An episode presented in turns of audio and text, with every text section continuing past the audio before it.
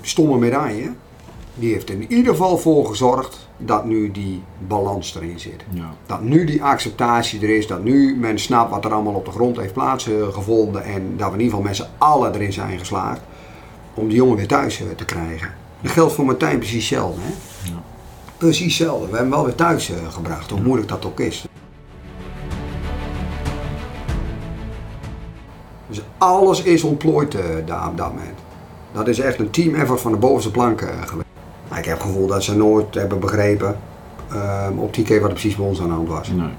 Eh, als jij mij vraagt wat ik mezelf verwijt, als, als CC tot op de dag van vandaag, dat ik op een of andere manier dus niet in geslaagd ben om mijn hoge niveau tussen de oren te krijgen wat er bij ons aan de hand was. Mhm. Ben ik niet in geslaagd. Nee. Met alle effort die ik gedaan heb, ben ik ingevallen. Dat is gewoon keihard.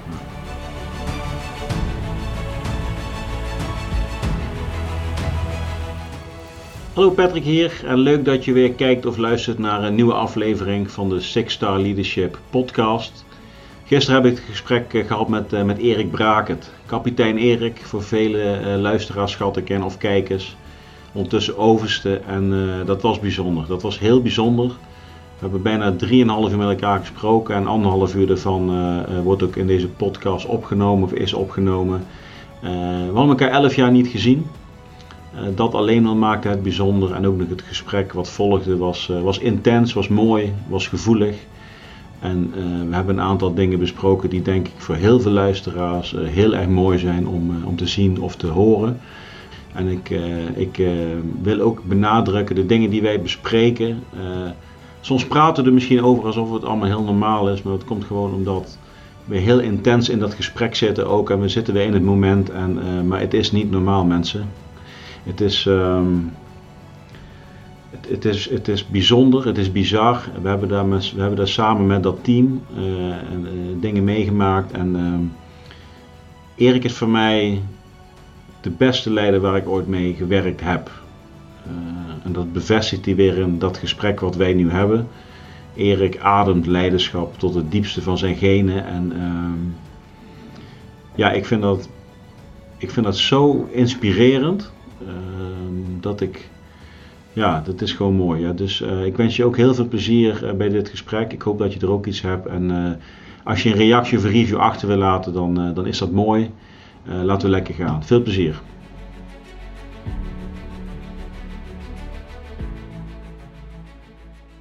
Maar we beginnen. Ja. Ik zeg altijd welkom bij de Sexual Leadership podcast. En ik zeg iedere vrijdag dat het mooi weer is.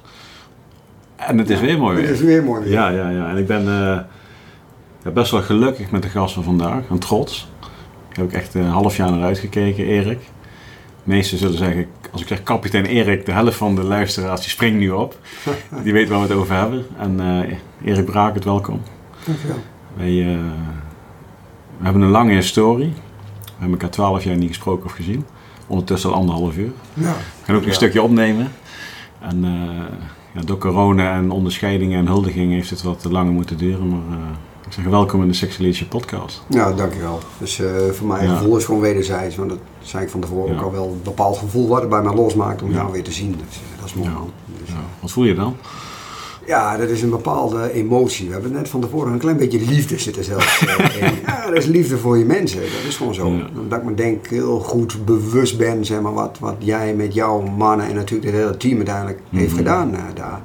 Dus dat gaat verder dan zomaar warme gevoelens, eh, zeg maar. Ja. dus, eh, dus dat is wat ik voel. Ja, Dus dat merk ik ook gewoon fysiologisch in Ja, mijn buik ja, en mijn hart. En, ja. ja, dus dat is mooi. ja de tafel bonkt ook een beetje. Ja, toch wel. ja, dat ligt daar niet aan hoor. Nee, nee, dat is wat anders. Dat is anders. Hey, Erik, maar even voor, voor- de luisteraars en de kijkers die jou eh, nog niet kennen. eh, even kort, waarom eh, wij op deze manier ook het gesprek openen. Vertel eens wat over jezelf.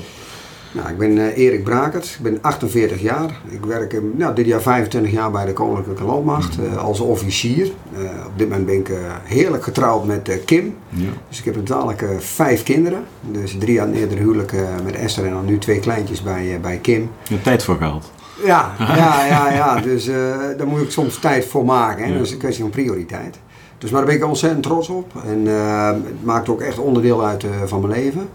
Ehm, en zeker nu met mijn nieuwe relatie. Ik ben onlangs verhuisd eh, naar Zwolle. En eh, ja, ik kan niet aan zeggen dat toch al de, de Koninklijke Landmacht eh, een behoorlijk onderdeel uitmaakt van mijn leven. En dat ook nog lang te kunnen blijven doen. Dus, Ja. dus een klein beetje in de notendop wie Erik is. En ik denk dat gedurende het gesprek wel duidelijk wordt van wat daar meer achter zit. Dat is wat we altijd doen, hè. Weet je, waar woon ik? Hoe oud ben ik? Dat soort dingen. Maar wie ben ik nou echt? ja, goed. Dat, ja, dat is het belangrijkste natuurlijk. Ja, hè? ja. Kijk, eh, het is natuurlijk een podcast over leiderschap, team performance. Kijk, en ik denk 2007, want die- ja, 2006, 2008, Die tot, tot op de dag van vandaag misschien wel, Ja. eh, hebben we beide deel uitgemaakt van een hele bijzondere club. eh, waarvan jij echt de leider was. En, en ik spreek voor mezelf en ik denk voor velen misschien wel de beste leider waar we ooit mee gewerkt hebben. Eh, dus in ieder geval een persoonlijke opvatting. Hoe kijk jij terug op die periode dan?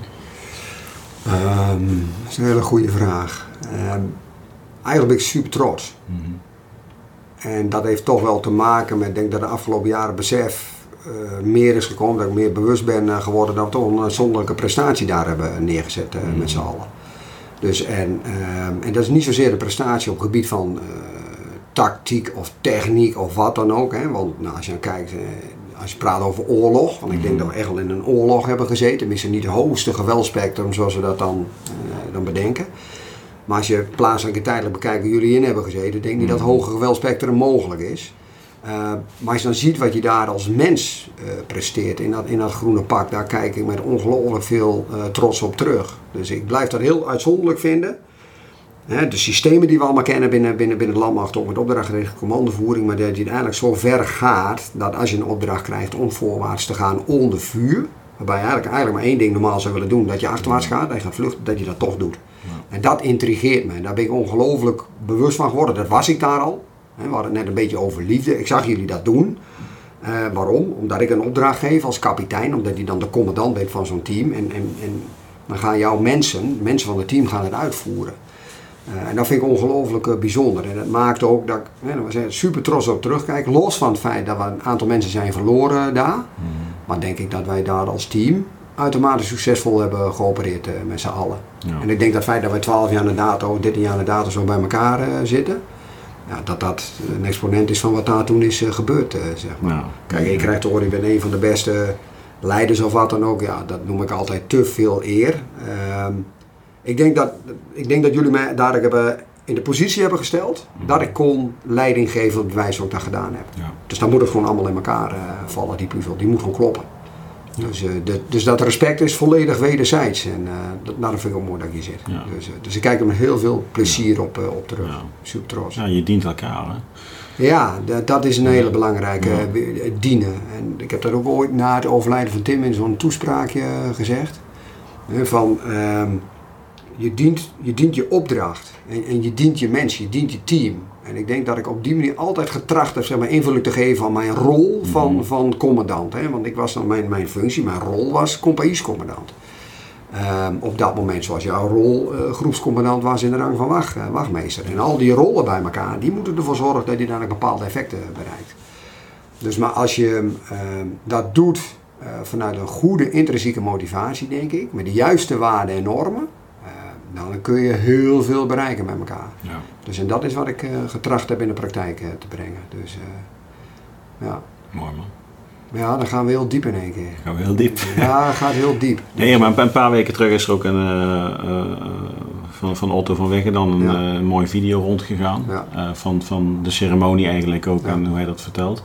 Even kort toelichten wat, wat die onderscheiding is en, en hoe, dat, hoe dat tot stand komt. Ja, ja de, hoe dat precies tot stand is gekomen, daar ja. heb ik eigenlijk niet al te veel woorden over kwijt. Want was... Ik heb maar 100 gig dus. Ja, nou, kijk, dat is natuurlijk een heel proces geweest. Maar ja. ik denk wat Otto ook wel even aangeeft, wat heel bijzonder is geweest, dat uiteindelijk de onderscheiding tot stand is gekomen uh, door de eenheid zelf. Dus ze zijn achter mijn rug om, zijn wat lui bij elkaar gaan zitten, die, mm. die vonden er wat van. Otto gaf ook wel aan in zijn vlog dat ik altijd van mening ben geweest dat we in eerste instantie ons werk hebben gedaan.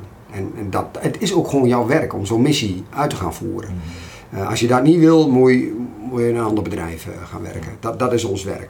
Dan kan ik wel zeggen, daar word je ook nog dik voor betaald als je op missie gaat. Dat is niet het geval. Hè? Dus, uh, maar uiteindelijk, het is je werk. Um, en wat maakt het dan onderscheidend? En daar heb ik best wel heel veel moeite mee gehad. Want als je vier maanden in de missie zit, er gebeurt eigenlijk niet zo heel veel. En in één keer heb je een klapper, is het heel makkelijk om te kunnen zeggen, dit was onderscheidend. Want natuurlijk een onderscheiding.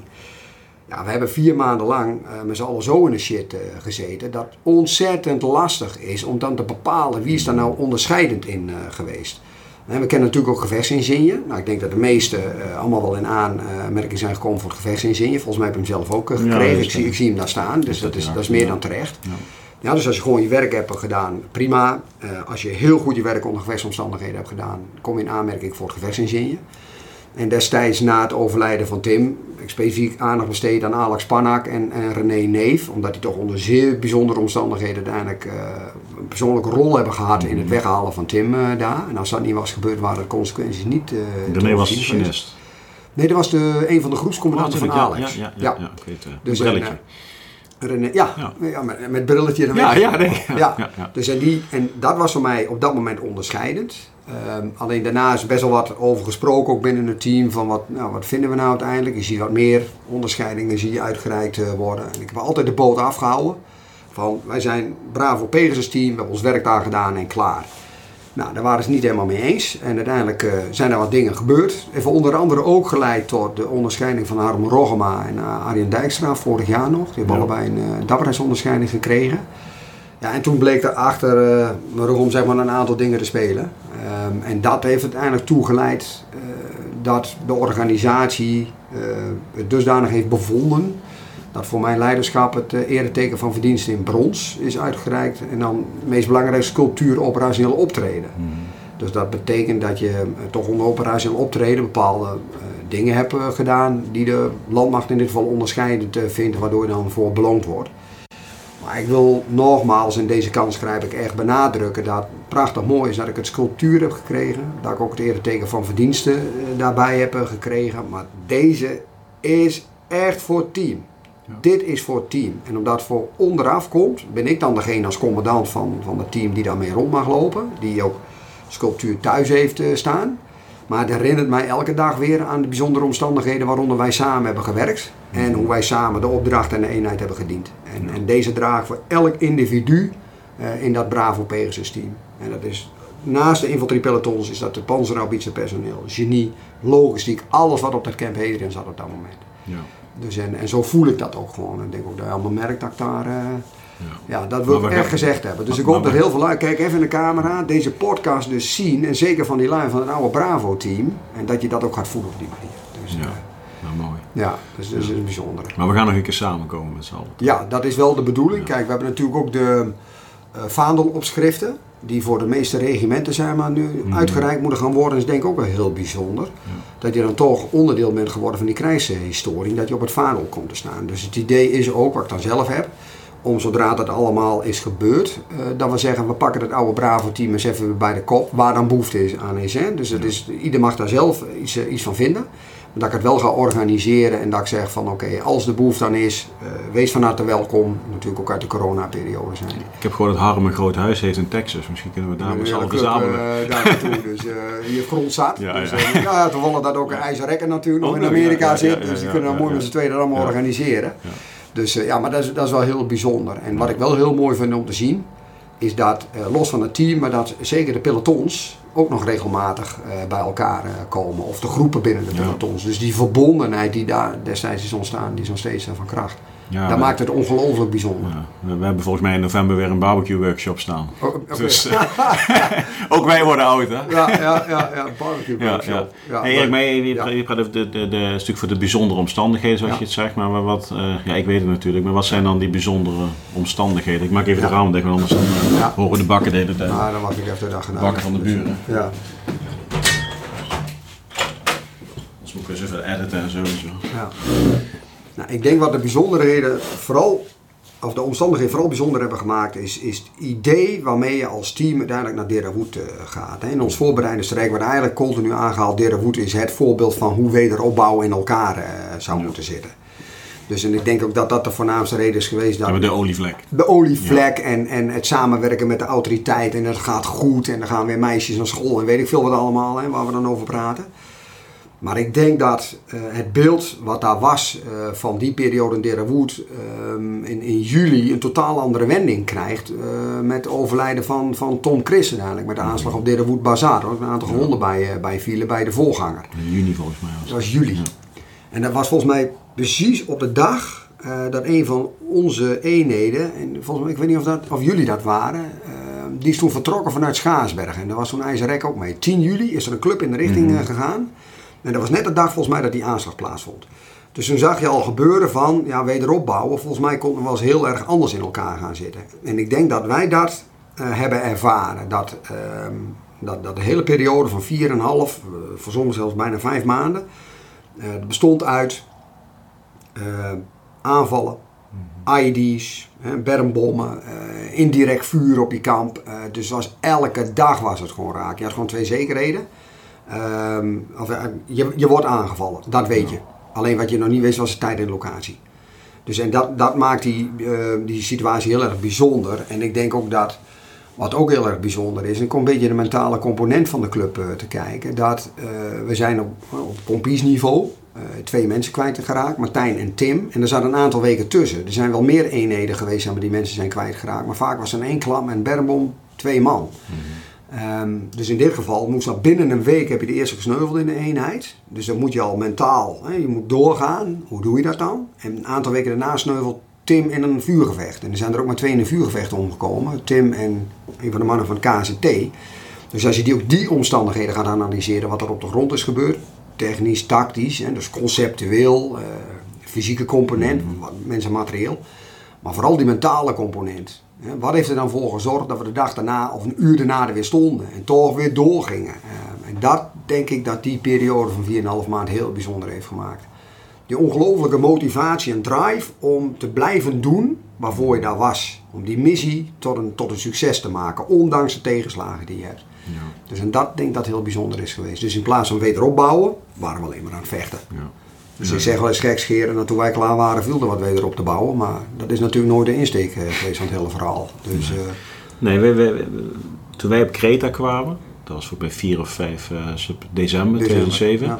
Toen was er op het nieuws voor het eerst sinds maanden eh, geen incidenten vanuit Derawood gemeld. Ja. Dat was letterlijk toen wij op dat hotel daarboven Ja. in, die, eh, in die bedjes zaten, Ja. dat weet ik precies.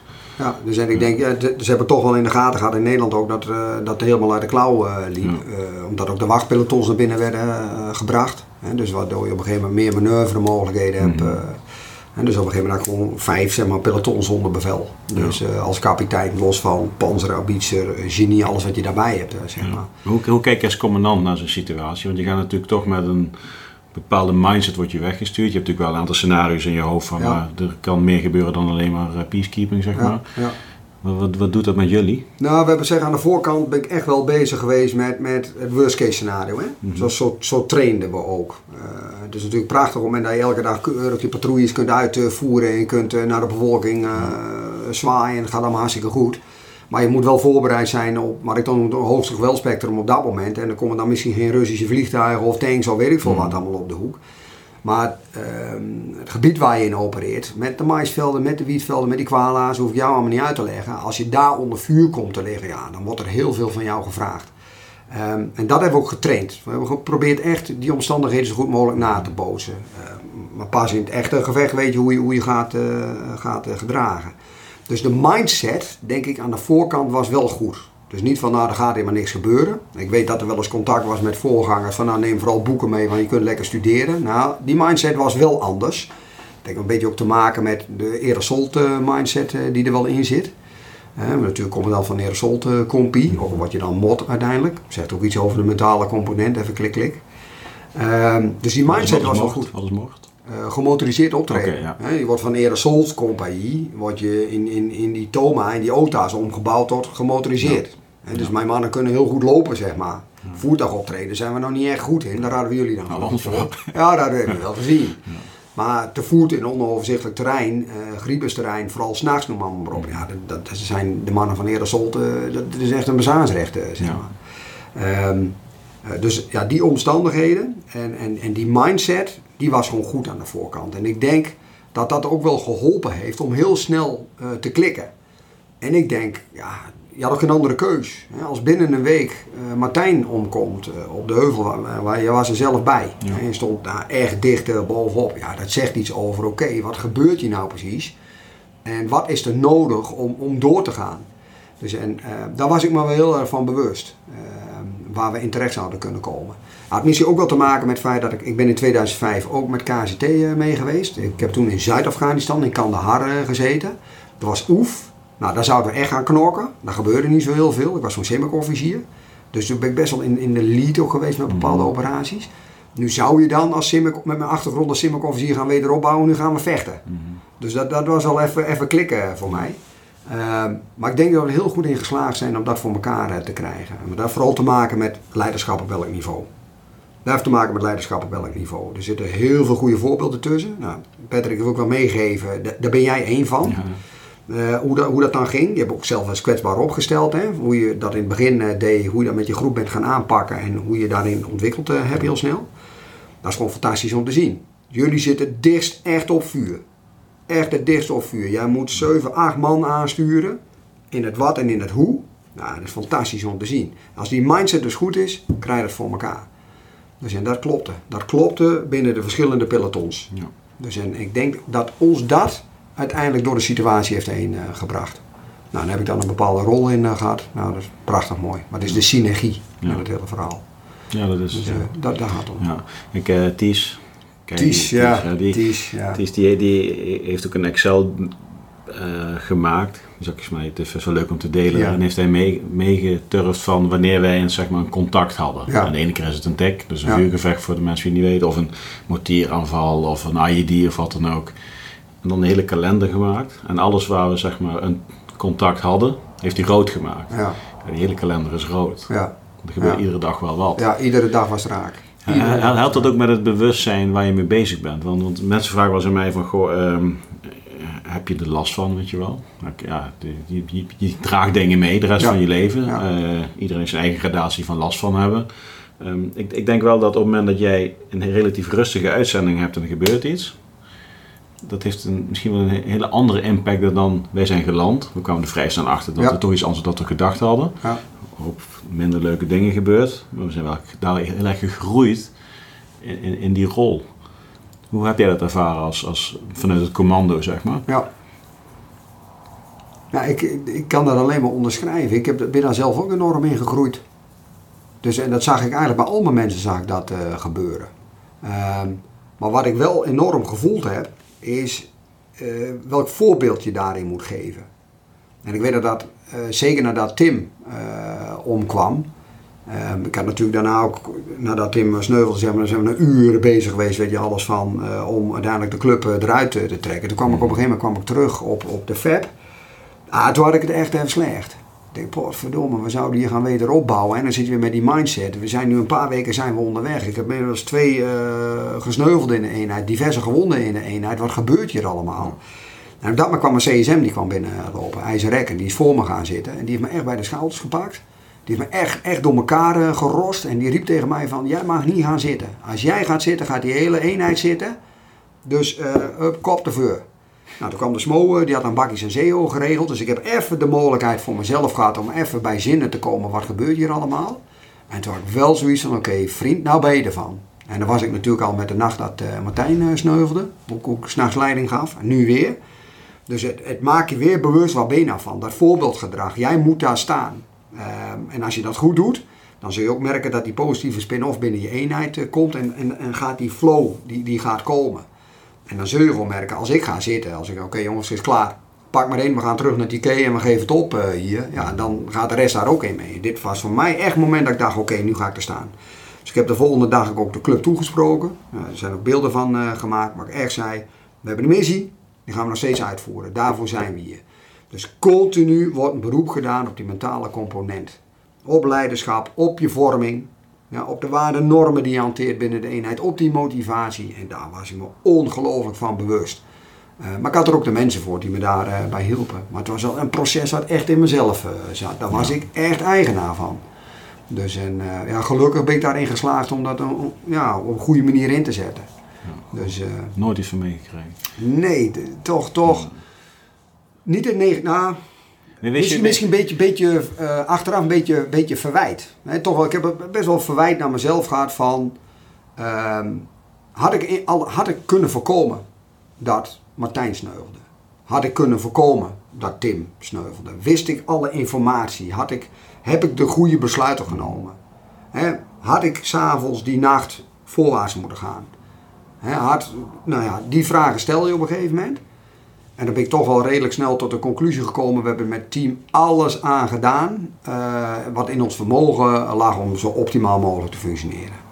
Dit, dit had niet anders kunnen lopen. Nee. Nee, dus eh, ik heb daar geen, geen last van. Ik heb een plek kunnen geven, zeg maar. Dus in- Na de uitzending erover nagedacht?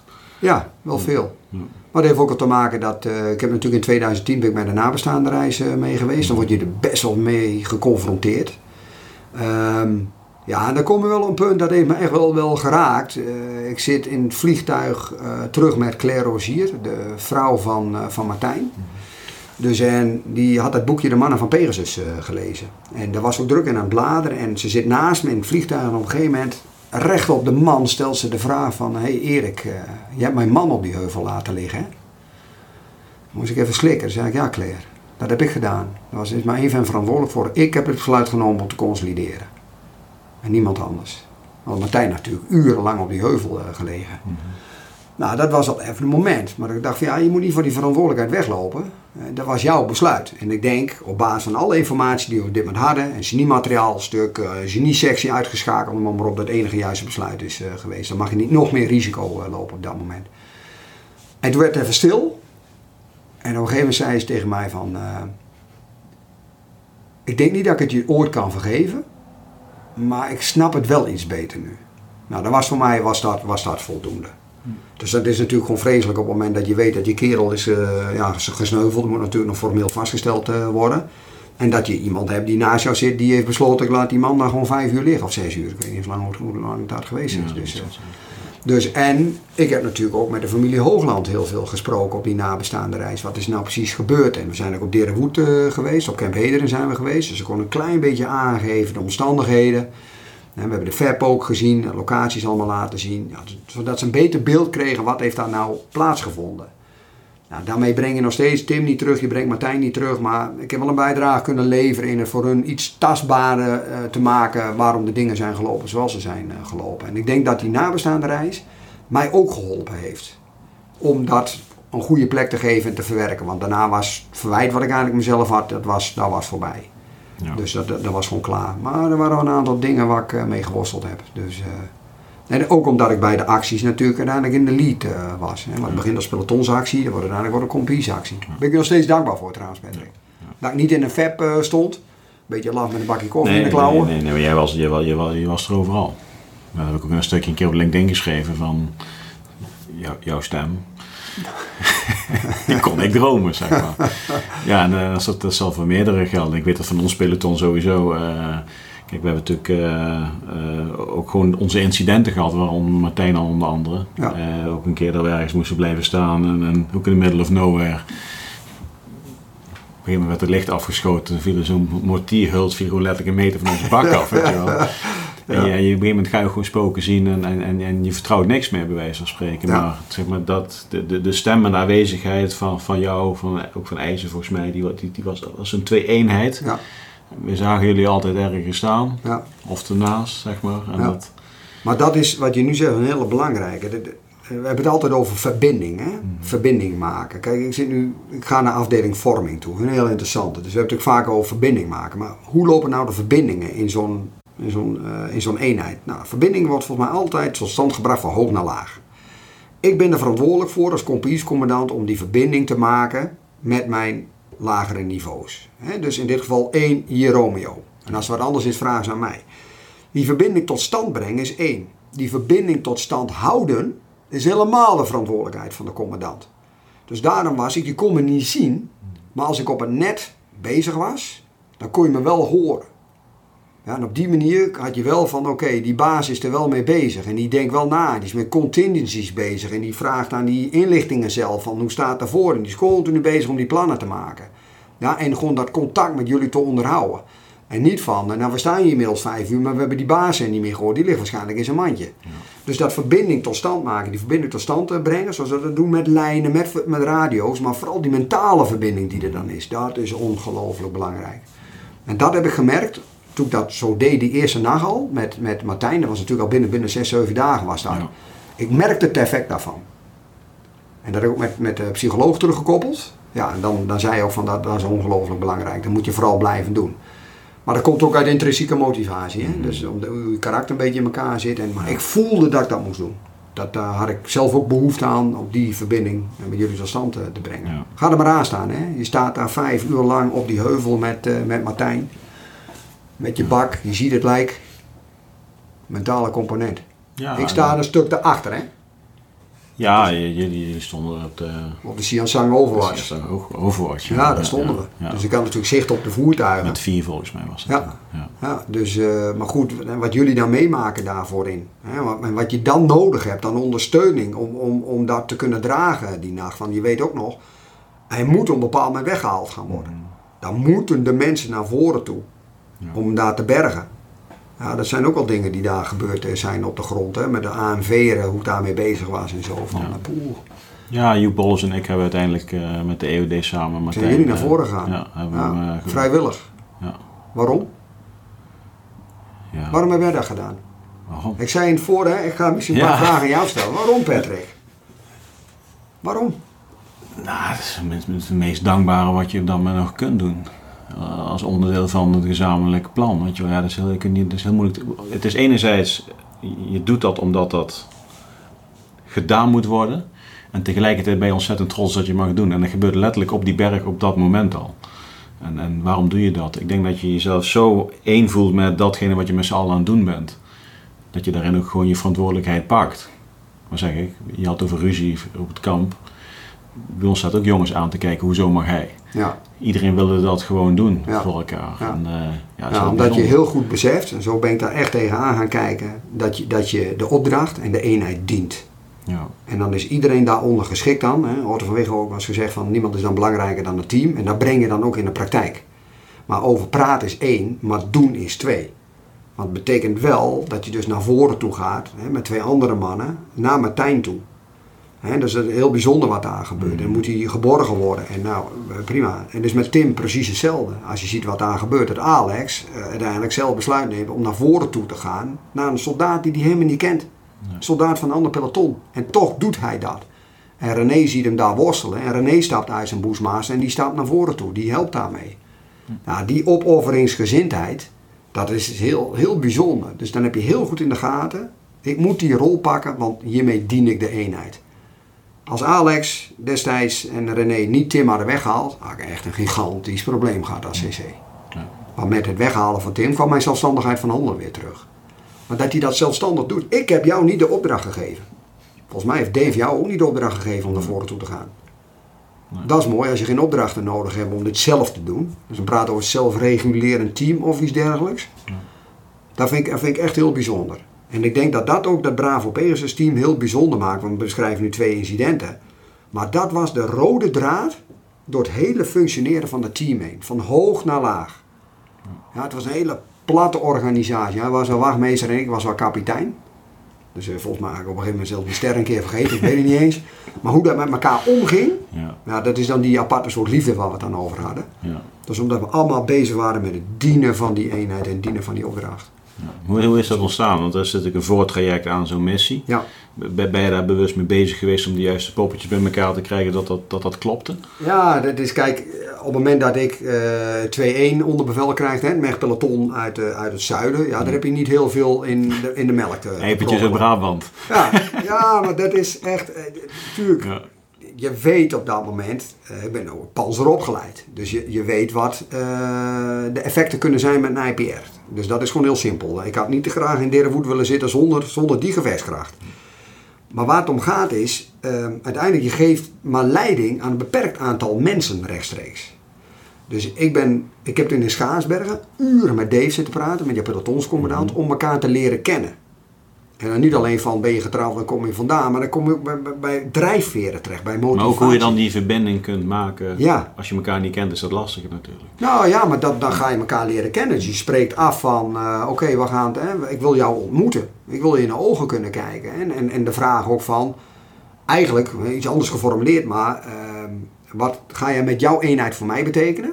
En wat, wat, wat heb je van mij nodig om optimaal ingezet te kunnen worden? Dus en daar heb ik met Dave over gesproken. We zijn daar, en later heb ik natuurlijk met al die ondercommandanten dat gedaan. Om op, wat ik vertelde, ook op flap over te laten zetten. We zijn de sterke punten en de minder sterke punten van, jou, van jouw eenheid. Als je twee aerosolpelotons hebt. Een uh, anti-tankpeloton van luchtmobiel. En je hebt een MEG-peloton vanuit het zuiden.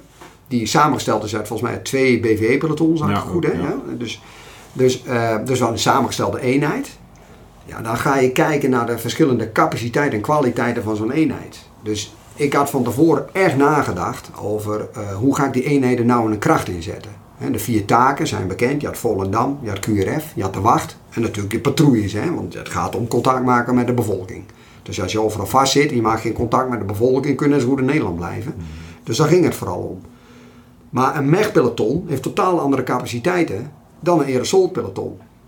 Ja, dus en die, moest die, die rode beretten van mij, die moest je laten sjouwen. Die wilde dat ook heel graag. Uh, klotenterrein, heel erg warm. Nou, naar buiten, op je schoenen met je rugzak om. Ja. Huppakee. Daarvoor heb je die rode beretten verdiend.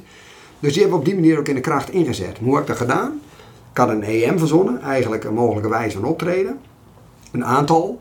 Ik heb die PC laten nadenken daarin. Hoe zet ik die in in de kracht? En eigenlijk heb ik die twee oleaten op elkaar uh, gelegd. En ik wist al lang, die twee oleaten gaan passen.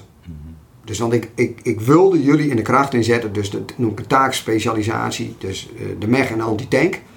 Dat werden de clubs die op Volendam zaten en QRF. Als er wat aan de hand is, moet je snel ter plekke kunnen zijn met zware middelen, QRF.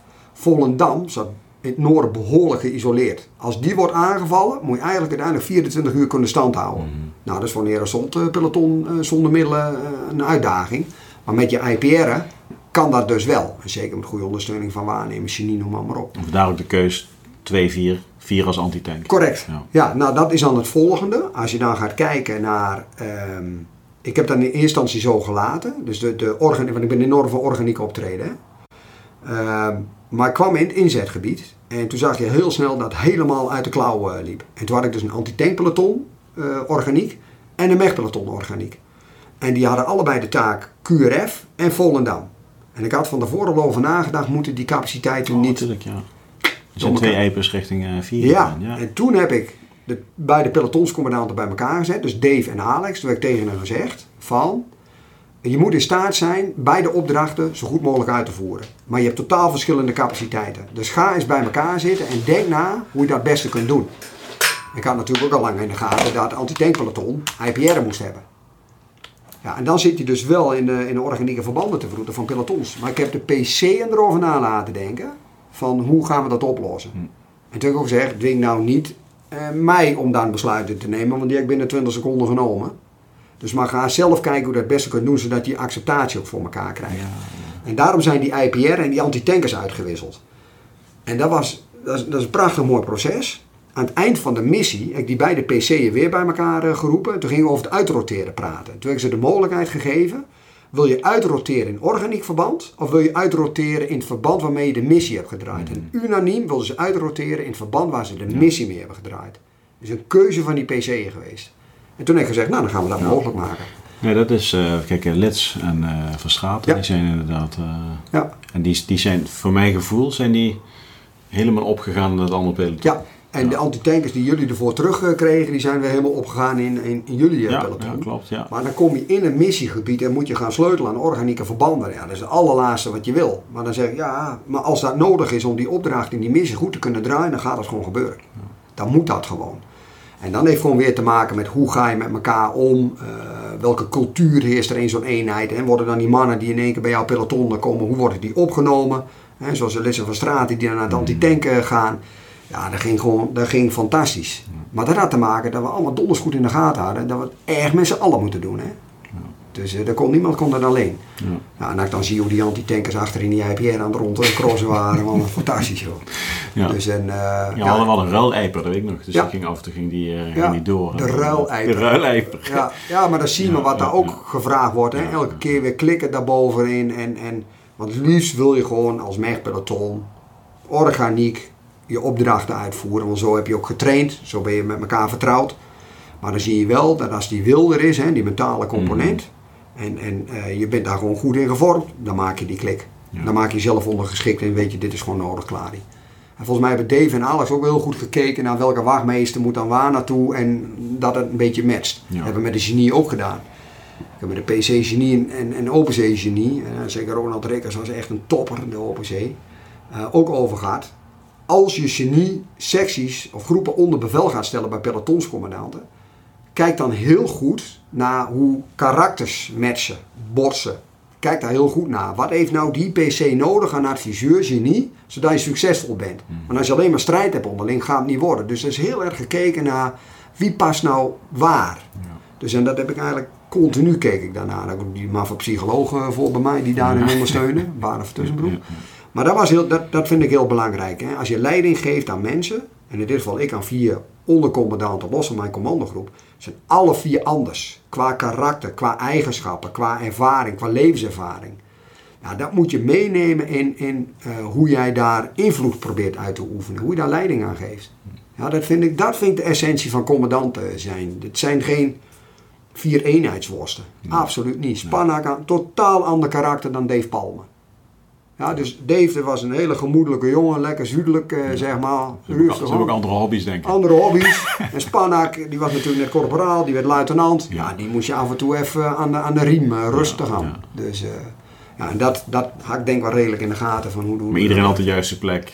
Ja, waar, waar hij past. daar heb ik voor gekozen. Ik heb dan heel erg gekeken ook naar de taken die hij moet uitvoeren, maar ook van um, hoe zitten die mannen in elkaar? Aan welke club geven ze uiteindelijk leiding? Jullie cultuur binnen de BVE is anders dan bij Erosond. Mm Dus en dat je allemaal kunt vechten, dat je allemaal je techniek en je tactieken kunt uitvoeren. Absoluut. Ik hoef je niet te leren hoe je vroeger heette dat BGT, mm -hmm. hoe taak heet dat. Mhm. Hoe je BGT, verplaatsen, uh, opstelling. Dat weten jullie trouwens beter dan bij Erosond, laten we duidelijk zijn. Hoef ik je niet uit te leggen.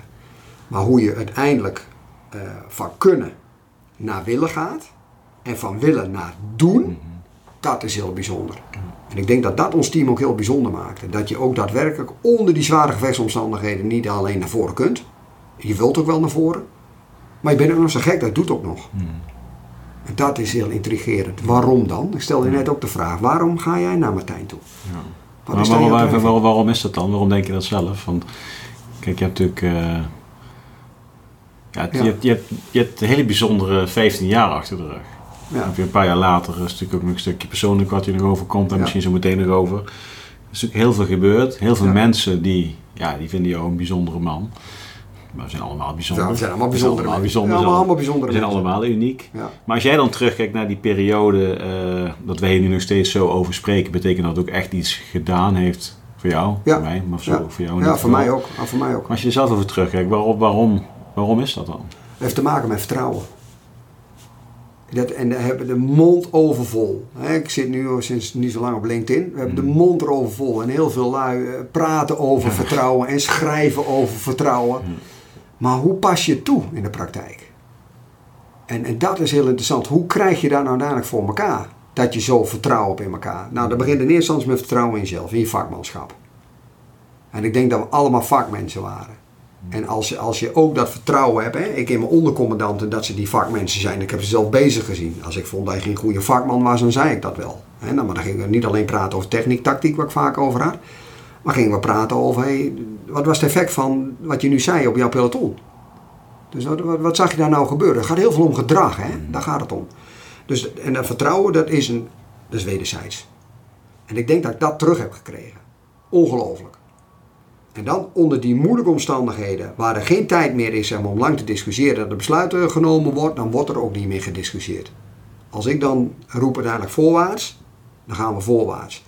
En dan kom je op een punt, ehm, een mooi voorbeeld geven.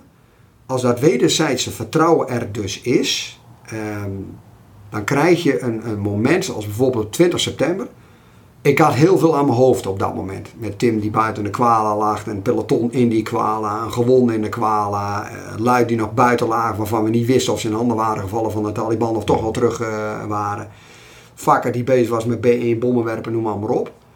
Uh, Spanak die voorwaarts gaat om Tim eruit te halen. En dan weet ik, er moet een peloton voorwaarts, een tweede peloton voorwaarts, om die club van Stellan eruit te halen. Als dan uiteindelijk die luitenant naast je staat, Peter Korf, die alleen maar aan jouw jasje trekt. En ik kijk hem diep in de ogen. En het enige wat hij tegen me zegt van Erik, ik ben er klaar voor. Meer niet. Dan klopt dat dus gewoon. Het meedenken dat één niveau hoger of zelfs twee niveaus hoger, maar wat ze deden, wat is er nodig? Hoe kan ik die baas nou ondersteunen, die commandant nu ondersteunen in dit proces? Die PC kan ook op zijn rugzak blijven zitten van nou, ik wacht wel tot ik een opdracht krijg. En dat heeft te maken met het onderlinge vertrouwen. Dat heeft dan toch te maken met hoe je met elkaar omgaat. Ehm, ik denk in mijn geval, en dat geldt natuurlijk voor iedereen, respect dwing je niet af door je rang. Niet door die sterren die erop zitten. Dat, dat dwing je af door de wijze hoe je gedraagt. En als je intrinsiek gemotiveerd eh, bent in, in de mens, in dat gevechtspak, eh, dan komt die verbondenheid. Ja, dus die verbondenheid is ongelooflijk belangrijk. Erkennen en waarderen van je mensen. Dat heb ik natuurlijk ook wel geleerd van Baden van Tussenbroek. Eh, maar dat zit ook intrinsiek wel in. Als je uit een gevecht komt, dan kun je wel direct over techniek en tactiek beginnen te lullen. Wat er allemaal niet goed was. Nee, het allereerste, wat ben ik ongelooflijk blij en trots als jullie weer voor me staan eh, hier. Want ik heb natuurlijk gezien in welke gevechten je hebt eh, gezeten. Of af en toe stond ik in die opsroom, ben ik helemaal onrustig van kon ik niet zien. Ehm, maar weten welke omstandigheden, dan kom je daaruit. Je spreekt erkenning en waardering uit. Maar ik weet ook, eigenaarschap ligt bij elke vent. Ligt bij elke vent. Als jij als wachtmeester uiteindelijk riep, voorwaarts, hè, bijvoorbeeld er moet een sprong gemaakt worden, wie bepaalt dan of die sprong gemaakt wordt? Ja, die vent die zijn benen vooruit zet. Correct. Ja. Ja, dus niet die groepscommandant, dat doet die vent echt zelf. En waarom doet hij dat dan? Vertrouwen. Omdat hij vertrouwt in zijn vakmanschap dat hij die sprong kan maken. Technisch, tactisch, wat er allemaal nodig is, vuur kan uitbrengen. Maar hij vertrouwt ook op die groepscommandant die op dat moment dat juiste bevel geeft om die sprong te maken op dat moment. Als dat vertrouwen er niet is, dan heb je een ander voorbeeld. Wat op 14 september eh, gebeurt. Dat een van de groepscommandanten bij eh, peloton van Peter en Harm achterwaarts gaat. Dat klopt er niet. De korporaal, de plaatsvanger die bevriest. En op dat moment zegt een van de soldaten die dan wel in de gaten heeft, die zegt voorwaarts. Dus Arjen die kreeg dan vorig jaar nog een dapperheidsonderscheiding voor. Dus dan klopt dat dus niet. Dus dan zit het in het vertrouwen zit op dat moment. Dus ik denk dat daar de crux in is. En de tweede is, kun je heel lang over praten. Hoe krijg je dat dan voor elkaar? Ja, die, ik heb dan over verbinding gemaakt. Die verbinding moet tot stand gebracht worden van hoog naar laag. Ik kan niet verwachten dat een soldaat, en nou jij bent een ander geval, maar dat een soldaat de verbinding met jou tot stand brengt als wachtmeester. Je moet als wachtmeester moet je die verbinding met die soldaat tot stand brengen, die verbinding ook onderhouden en dan komt dat goed, want dan gaat die soldaat, Jan Piet Klaas, die gaat op een gegeven moment ook naar jou toe komen. Wat, wat bedoel je met een ander geval? Nou, er zijn er ook een aantal die dat niet kunnen. Nou, Die, die maken die verbinding niet. Die denken dat ehm, eh, continu uitlopen kafferen, eh, als iets verkeerd gaat, het twintig keer laten opdrukken, noem maar, maar op. Dat je daarmee daar een gevechtskracht eh, genereert. Ehm, maar ik denk dat, nou, dat denk, ik ben er zwaar van overtuigd, als gedrag voortkomt uit intrinsieke motivatie, gebaseerd op vertrouwen, zit je goed. Als gedrag voortkomt uit angst, ik doe wat ik eh, doe omdat ik anders op de kloten krijg van mijn wachtmeester. Eh, om de, hè, dan ben ik, ik ben bang voor hem, het is angst, eh, doe maar, want dan heb je dus te maken met extrinsieke motivatie op verkeerde drijfveer. maar dan gaan die beentjes ook niet bewegen. op Dan, gaan ze, dan, kom je niet, dan kom je niet in beweging. En dat hebben we dus ook gezien. En ik denk dat jonge commandanten, eh wij missen een gigantische generatie, heb ik nou pas eh, nou tegen jou gezegd. Hè? Die generatie die dat allemaal heeft meegemaakt, zijn heel veel de dienst uit eh, gegaan. En dat missen we nu een beetje. Hoe dat dan werkt. Dus ik zie heel veel gedrag, eh, lager in de organisatie, zeker bij opleidingseenheden en ook paraat, die het moeten hebben van, eh, ik noem het even de angstcultuur, om, om lui in beweging te krijgen. Dat, dat gaat niet lukken. Dat gaat niet lukken. Dus hoe je dat doet, hoe maak je die verbinding tot stand, hoe spreek je erkenning, waardering uit, hoe zorg je ervoor dat ook de vent zijn eigenaarschap pakt. Waarom? En, zie je kennis van, van meer dan alleen maar je eigen rol? Helpt dat ook mee om zeg maar, die betrokkenheid eh, en die verbinding te vergroten? Kijk, Nu moet je even nog, nog even nou, goed, ik, ik, heb, ja? ik heb een jongen Ja. uit mijn groep Ja. en die doet gewoon zijn ding.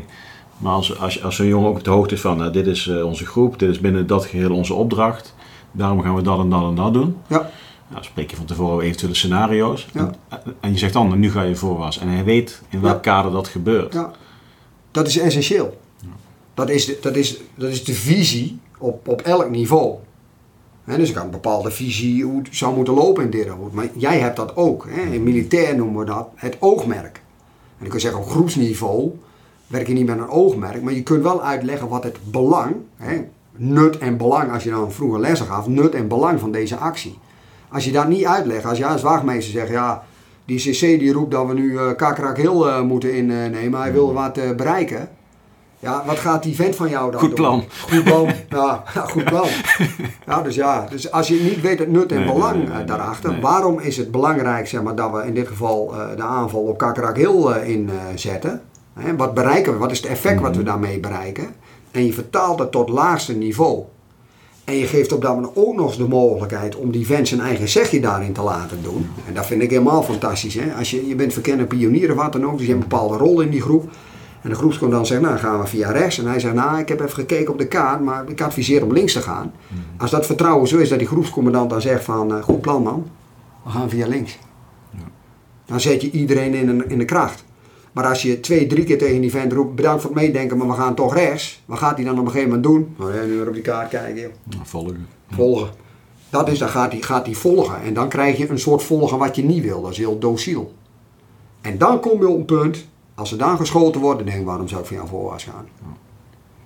En dan gaat de groepscommandant, die gaat voorwaarts, die kijkt achter zich, zitten nog zeven man die hier zijn te kijken wanneer wordt hij geraakt. Of uh, je wordt aan de achterkant uh, neergeknald, dat kan natuurlijk ook. Dus dat zijn misschien niet altijd tastbare processen.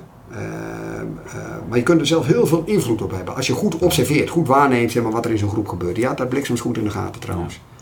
En, en dat begint met de juiste mensen in de ja. groep krijgen. Ja. ja. Ja. en dat is natuurlijk iets, daar kunnen we niet zo heel veel invloed op uitoefenen. Um, als je ziet hoe het systeem met elkaar uh, zit nu. Je krijgt dan een vent binnen, dan een vent binnen, dan een vent binnen.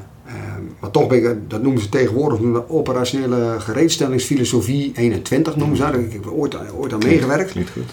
Klinkt heel goed, maar de filosofie erachter, daar hebben we ooit aan mee mogen werken. Wanneer is een groep nou echt succesvol? Dat is als je elkaar leert kennen. Als dat vertrouwen dus is. Mm. Dus dan moet je niet een vent nog drie weken van tevoren binnenkrijgen en dan moet je volgens een opdracht gaan uitvoeren. Want er zit een vormingsketen aan vast, zeg maar. Je moet kennis maken met elkaar, je moet met elkaar leren, je moet met elkaar trainen, je moet met elkaar presteren en vervolgens uh, ga je uiteen en ga je doorgroeien. Um, dus je moet ook de vent de kans geven, of de vrouw, om onderdeel uit te maken van dat team. En dat is een proces. En hoewel die groepsfases en zo, maar dat, die, die, kans moet je wel geven. Maar dat is ook een beetje hoe jullie onze peloton zijn, daar hebben Correct. opgenomen binnen het. Dat is ongelooflijk belangrijk. Je komt van buitenaf. Um, en dat geldt niet alleen voor de manoeuvre, maar dat geldt ook voor panzerhaubitser. Dat geldt ook voor PSYOPS. Dat geldt ook voor alle entiteiten, missieteam. En er zijn eigenlijk maar twee vragen. Wat kun jij voor het Bravo-team betekenen? En wat heb jij voor mij nodig als commandant om jou optimaal in te zetten? Dat waren eigenlijk de vragen die ik stelde. Dus ik deed ook s'avonds in, uh, in het begin toen we er waren, liet ik alle specialisten, die kregen van mij, hadden de opdracht gekregen, bereid een praatje voor, of hoe je dat ook doet, waar je je specialisme in vertelt. Dus even Psyops heeft dat gedaan. Toen ik kwam was Psyops als een, een, een dood paard. Die werd helemaal niet betrokken door de vorige niet in het hele verhaal. Eh, niet. Dus en ik vroeg aan hem van hoe zet ik jou in, in je kracht joh? Nou, je hebt hem later heb je hem bezig uh, gezien. Dat was echt onderdeel ervan. Kijk eens naar het Panzerhaubitse detachement. Kijk naar de genie hoe die dat deden. Maar dan ga je, hè, dat is erkenning en waardering in jouw specialisme. Dus dat kun je gewoon naar binnen halen. Alleen je moet even weten hoe je dat moet doen. Hoe doe je dat dan? Nou, geef de tijd daarvoor. Geef de ruimte daarvoor. En stel je als CC ook open. Er zijn ook heel veel commandanten die roepen SMT moet uh, vooral in de vet blijven zitten. En als een vent een probleem heeft, stuur ik wel naar hem toe. Nee, sociaal-medisch team is gevechtskracht. Dus je moet weten hoe je een sociaal-medisch team uh, inzet. Hoe die ook optimaal benut. Nou, dat hebben we gemerkt hè, als er dooien vallen in je eenheid. Ja. Uh, van wat, wat, wat er dan gebeurt met zo'n club. Dus en ik denk dat mijn voordeel is geweest, dat was mijn vijfde kapiteinsfunctie. De een wat langer dan de ander. Ja, tegenwoordig zijn kapiteins of compagniecommandant allemaal in de tweede beurt al. Hè? Dus die ervaring is dan ook wel een, uh, belangrijk. Ja. Dus uh, nou, lang relaas, maar er zitten denk ik wel een aantal elementen in. Nee, zeker. Ja, maar ik, heel, heel, ik, ik heb zoveel geleerd van die periode, Erik. Daar, daar kan ik niet eens... Uh, niet omdat je tegenover me zet, maar nou er toch zet. nee, kijk, heel veel dingen die, die ik hoorde en zag. Uh, toen, op het moment toen ik, ik heb bij BVE uiteraard ook veel geleerd. Ja. Maar toen we bij jullie kwamen, ik vergeet nog die, die, die eindoefening was dat volgens mij ergens. Die uioefening. ja, die zandvlakte daar. En, uh, die Oerkan Integration. Uh, ja, ja, ja, maar dat was een beetje voor, voor ons ook echt de eerste kennismaking, een langere periode met jullie samenwerken. En ja, ik vond het, dat voelde zo goed. En toen gingen we dus naar Oeruzgan toe. En de manier van praten, de manier van doen, het met elkaar omgaan. ik heb er heel veel van geleerd en ook met mijn eigen groep. En ook wat ik nu nog steeds doe met, met, met, met het werk. Ik heb natuurlijk wat scherpe kantje moeten afleren. Ja. Maar ja, dat, dat vertrouwen met elkaar, het, het verbinden, het, het, ik heb daar gewoon dingen uitgehaald, weet je wel. En, en ik vergeet nooit meer dat toen met Tim, eh, die nacht slash dag, kwamen wij op Hedingen binnenrijden. Stond jij in de poort. Toen gaf je iedereen een knuffel. Iedereen. Ja. Ja, ik vergeet dat nooit meer. Ja. Kijk, en, en, en, en ook op het moment dat wij eh, weer eens een keer ergens aan het knokken waren of we stonden ergens in de nacht en dan hoorden wij jouw stem.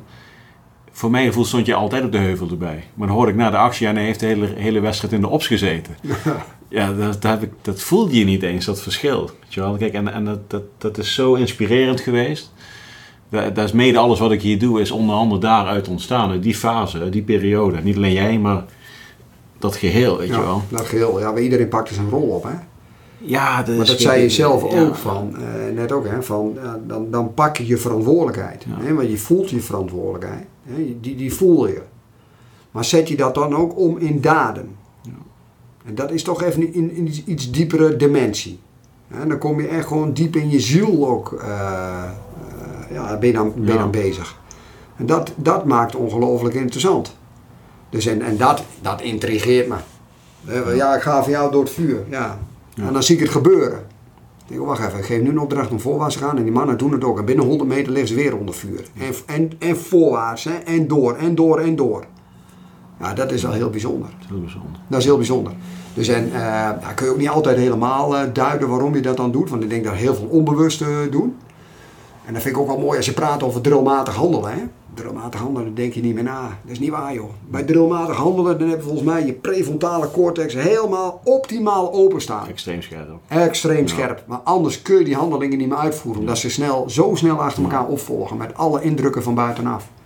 Ja, als je dus die ruimte in je kop hebt om dan zo na te blijven denken op dat moment. Want dat is heel onderscheidend ook eh, geweest. Ook bij die club eh, van jou. En zeker, zeker, zeker bij jouw groep.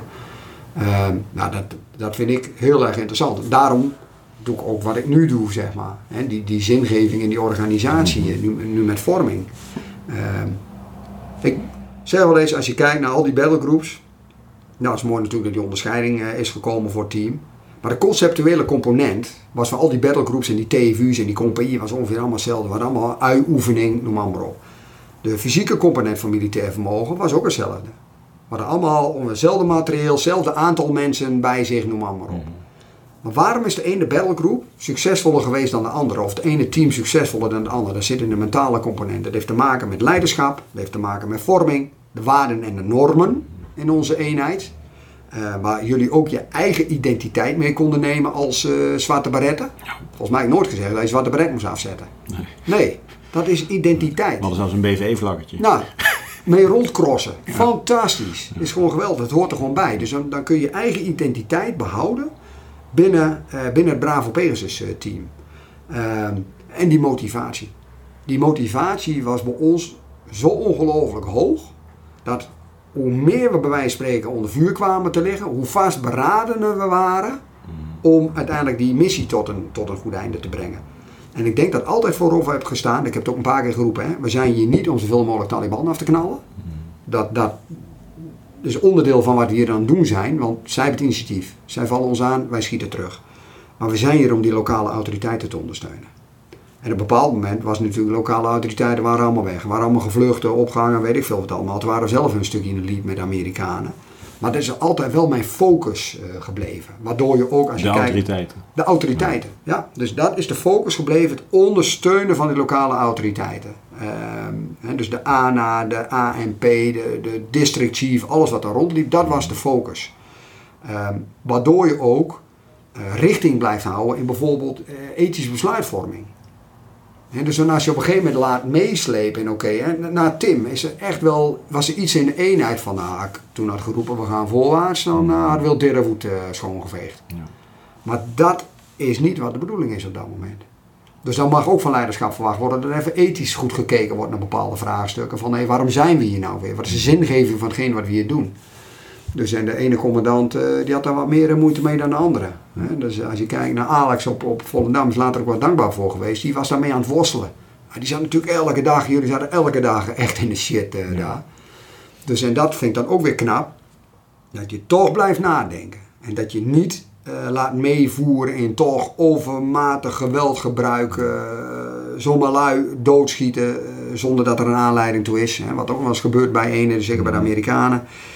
Ja, dat vind ik, dat vind ik dan ook knap. Dat je toch blijft nadenken met z'n allen. Ondanks de verliezen die we hebben gehad. Want we, hebben, we, hebben, we hebben het pittig gehad. Daar ben ik me echt wel bewust.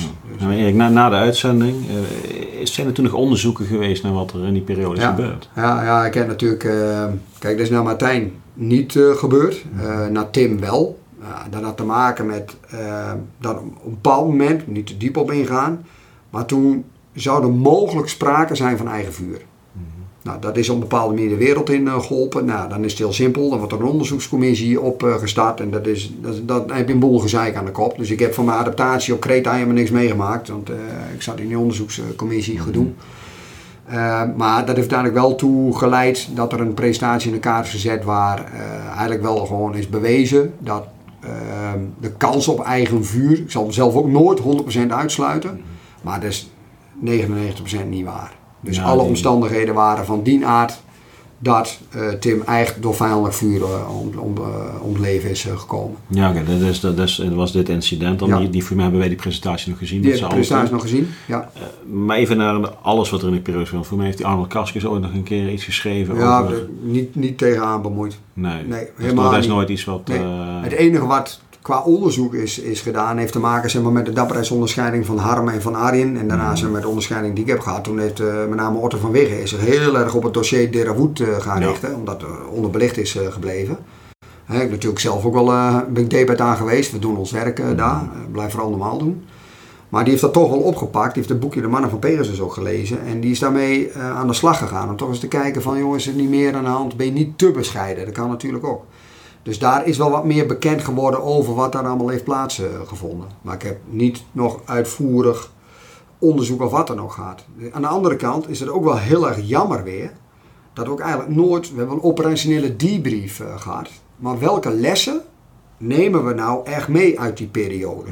Hè, we hebben nog steeds dat we lessen halen uit de Tweede Wereldoorlog. Of gaat de Market Garden, weet ik veel wat allemaal. Hebben we krijgshistorie van 75 jaar geleden.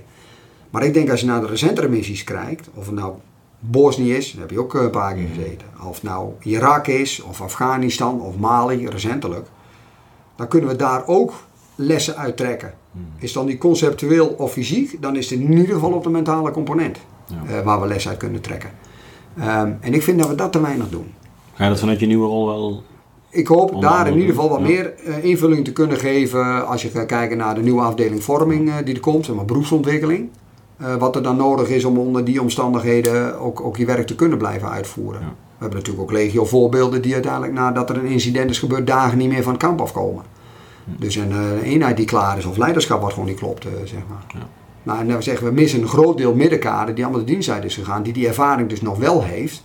Ja, die loopt nu wat anders te doen. Die zi- zitten bij Star Leadership podcast eh, te doen. is ook belangrijk. Ook belangrijk. Ja, maar dat is... Hè, dat Bereik je ook een publiek mee. Ja. Absoluut, Ja, ja, absoluut. Dus misschien dat het eh, ook wel een mooi effect heeft. Ehm, maar dat, is, dat, dat mis je gewoon. Dus een hele jonge generatie die die ervaring niet heeft meegemaakt. De missies zitten ook totaal anders in elkaar. Waarbij er zelfs ook wel eens wordt gezegd, nou dit gaan we nooit meer doen. Nou, ik kan je één ding vertellen. Toen wij in 2007, wat ik al zei over wederopbouw, had ik nooit verwacht dat we in dit soort omstandigheden terecht. Ik had nog wel echt wel rekening gehouden met een incident. Maar een incident die eh, augustus begint en pas in december eindigt, eh, zeg maar. Misschien een Dat was een heel erg lang incident op Ja, die ja, manier. ja. Dat was schering en inslag. En, en daarom zeg ik ook, van doorslaggevende aard is toen geweest onze, onze mentale component. Eh, en dat, dat geldt voor heel veel battlegroups. Eh, ik denk ook dat 12e bataljon met Jans Willems vind ik altijd een mooi voorbeeld. Eh, hoe- Jan daar zelf als eh bataljonscommandant, battlegroepcommandant aan leiding gaf. Nou, een van de voorbeelden hoe het goed ging. Nou, ik denk dat wij eh, een team zijn geweest die het ook goed heeft eh, gedaan. En je hoort ook nog eens een keer eh, de naam van Ralf Gozens, eh, die voor ons staat, Larry Hamers. Een aantal van die mannen die echt eh, vanuit een stukje charisma leiding hebben gegeven aan een eenheid. Heilig geloofden in wat ze deden. Maar fucking veel vertrouwen hadden in, in de mannen en vrouwen waar ze mee werken. Is, is dat Ralf Gozes die ook van 11 Tank afkomt? Ja, dat is een tanker. eh, Ja, ja, ja, ik weet niet of het bij 11 staat, maar dat Ja, een ja, tanker. ja, daar ken- daar ken ik er Ralf van, ja. Ja, ja, ja, ja. Dus eh, Ja. ja, een topper. Dus, Ja. Hey Erik, ja, jaren na de uitzending heb je een medisch momentje. ja. Nou, dat is heel bijzonder. Ja. Ja. De, het is ehm 20 september 2013. Ik ben, s ochtends ben ik eh, bij het graf van Tim. Eh, ja, het is wel bijzonder, de ouders van, eh, van Tim Hoogland, Rob en Marjan, die, die woonden destijds op 5 kilometer afstand van mij. Dus de begraafplaats waar Tim is begraven, daar, daar ligt ook mijn opa en oma liggen daar onder andere. Dus we woonden fysiek heel dicht bij elkaar. Dus en, ehm, nou, die dag ben ik weer op, op bezoek daar. Dat doe ik, elk jaar doe ik dat nog. Dus en, de contact is gewoon goed. Dus daar kun je ook wat van zeggen. En je kunt ook ouders hebben die de eenheid van alles eh, verwijten. Eh, nou, dat doen zij niet. Daar ben ik echt heel dankbaar voor. Ik denk ook in het besef dat we er alles aan hebben gedaan om Tim weer thuis eh, te brengen, net als met Martijn. Maar goed, die 20 september 2013 ben ik daar zoals het graf. Ik drink koffie bij hun en ja, ik ga naar huis toe. En lang vooral kort, smiddags om half vijf, ongeveer tijdstip dat Tim zes jaar daarvoor sneuvelt in uh, Derawood. eh, een zware hersenbloeding. Dus ik raak binnen een mum van tijd halfzijdig verlamd. Dus, eh, ja, dus ik woonde toen in Zwolle, waar ik nu weer eh, woonde. En, eh, ik woonde toen al in Zwolle. ik woonde toen in Zwolle. Ja, ik was net gescheiden. Ehm, ik had een nieuwe vriendin. woonde in Zwolle. Ja, en die weet natuurlijk ook niet wat, wat, wat, wat er overkomt. Dus ik weet nog dat ik in het ziekenhuis in Zwolle lig. En er is een, een, een neuroloog die staat naast me. En die zegt van nou meneer, u heeft een zware hersenbloeding fron- frontaal rechts. En die draait zich om naar mijn vriendin destijds nog. Altijd maar rekening mee dat uw man het komende jaar niet thuis komt vanwege zijn revalidatie. Oké, dat was ook even klik, klik, klik. Dus er zit wel iets aan vast van ja, 20 september 2007, rond dat tijdstip sneuvel Tim. En, en zes jaar later, ongeveer op hetzelfde tijdstip, lig ik met uh, halfzijdig verlamd in een ziekenhuis. Dus eh, maar ik heb toen die eerste nacht echt voor mijn leven gevochten. Nou, dat was ik wel gewend op een bepaalde manier in 2007, maar Ja, dit ja. was even een andere tak van sport. Daar ben ik, ik was heel slecht eh, toen. Eh, maar daar ben ik doorheen gekomen. En binnen een week ben ik overgeplaatst naar het Militair Revalidatiecentrum in Doorn. Ja, dan hebben wij met Defensie, de landmacht, en dan praat je over de mensen daarin, hè, want die organisatie wordt gemaakt door mensen.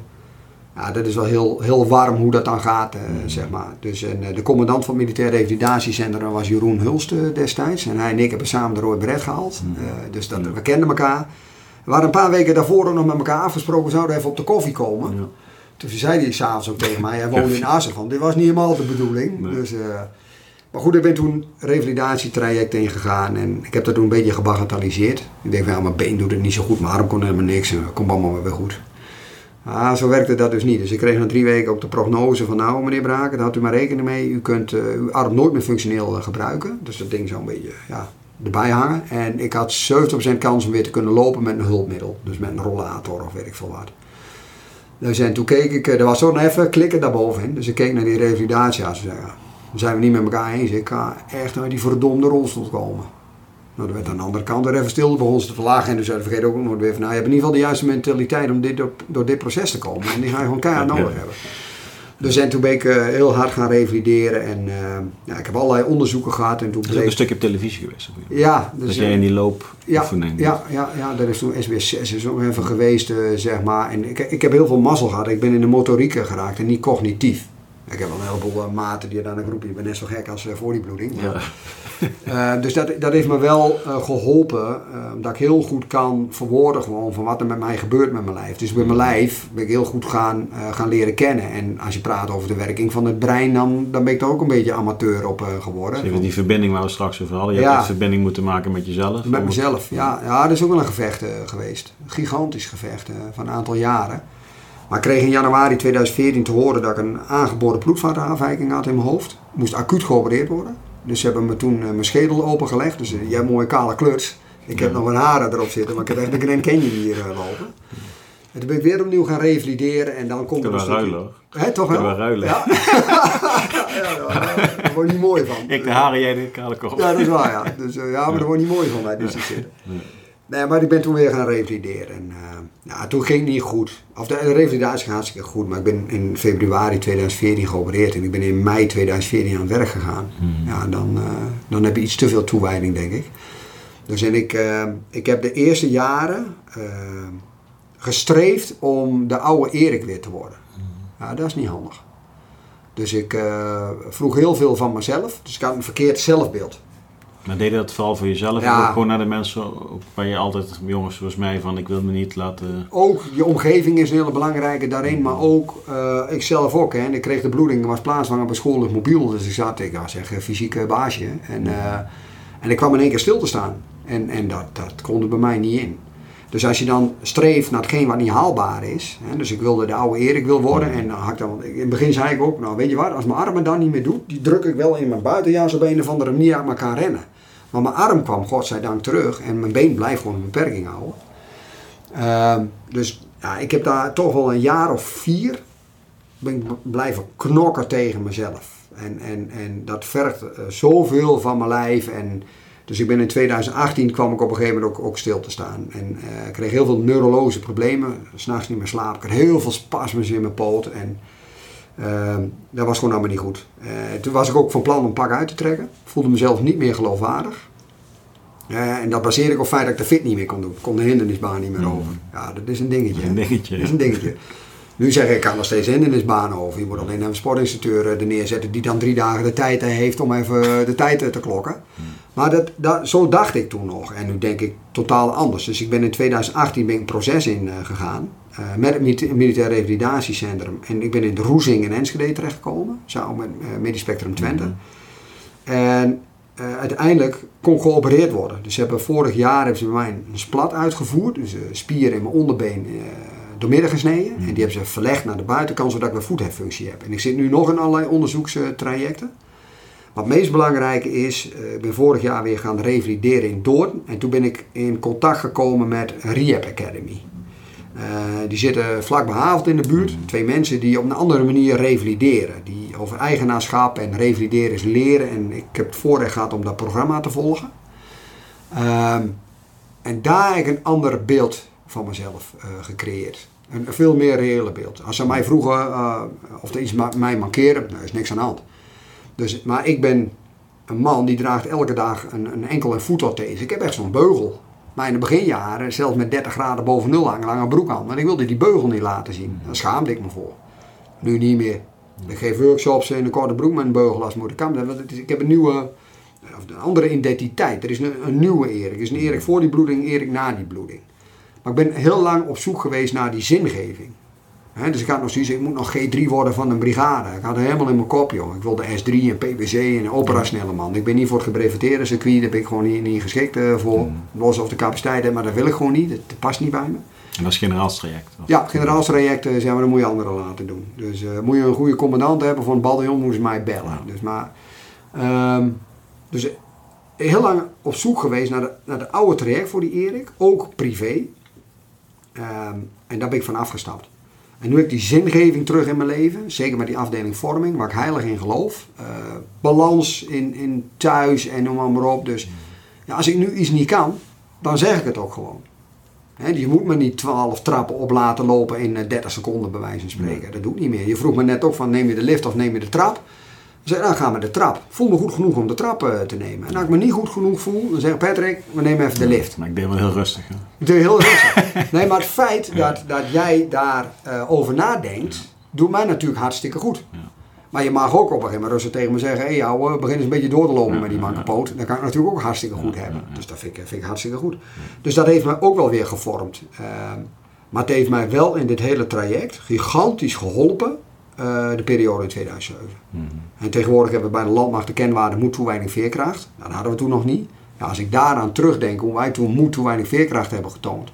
Maar ik vervolgens in mijn privéomstandigheden wordt ook zelden beroep op je in één op je gedaan. Om, om de moed, uh, om, om dingen. Ik moest ik compleet opnieuw leren lopen. Ik ben zo vaak op mijn bek uh, gegaan. soms ook onverantwoord, ook met de fiets. Uh, maar de toewijding die nodig is om elke keer opnieuw dat revalidatietraject uh, weer door te gaan. En de veerkracht met die tegenslagen die je elke keer weer hebt. Uh, ja, dat heb ik wel heel veel gehad aan 2007. hoe, hoe ik daarin stond en, en hoe ik als mens zeg maar ben. Hè, met mijn karakter maar je, je bent geloof, je bent een gelovig mens. Ja. Ja. Dat, dat weet ik nog vanuit de uitzending ook. Ja, je bent dankbaar. Ja, ja maar ik heb wel een issue met die, met die baas boven. Ja, moet een onderzoek. Dus, dat, is, dat is al de vraag. Van, ja, maar van... het eerste wat ik, um, um, ik, ik, ik, wanneer hoorde ik het van jou, uh, weet ik niet eens meer, dat trok niet toe. Maar Het eerste wat ik dacht van die datum, het eerste wat Erik denkt is de relatie met de uitzending en het grote geheel. En eh, je schreef op in het toeval, weet je gelooft niet in toeval, dingen Nee. gebeuren. Wat, wat heeft dat met je gedaan? Als je, want als je daarin gelooft namelijk, Ja, dan doet dat wel iets met je. ja dat, nou, dat is een enorme strijd eh, Ja. geweest. Hè? Dus, is maar net, waar haal je uiteindelijk die kracht uit om bepaalde dingen te doen. Hè? De een kan het uit eh, spiritualiteit halen, maakt niet uit waar het vandaan haalt. Eh, ik heb toen veel aan het geloven gehad, dat is gewoon zo. Ehm, maar na die bloeding ben ik echt wel in, in, in, in de strijd eh, Ik dacht van, wat wil je nou precies eh, van mij? Hè? Dus het heeft echt wel jaren geduurd. Van, hey, waarom eh, word ik eh, zo'n gigantisch oor aangenaaid eh, nu? Hè? Waarom pak je mij? Eh, ik stond in één keer helemaal stil.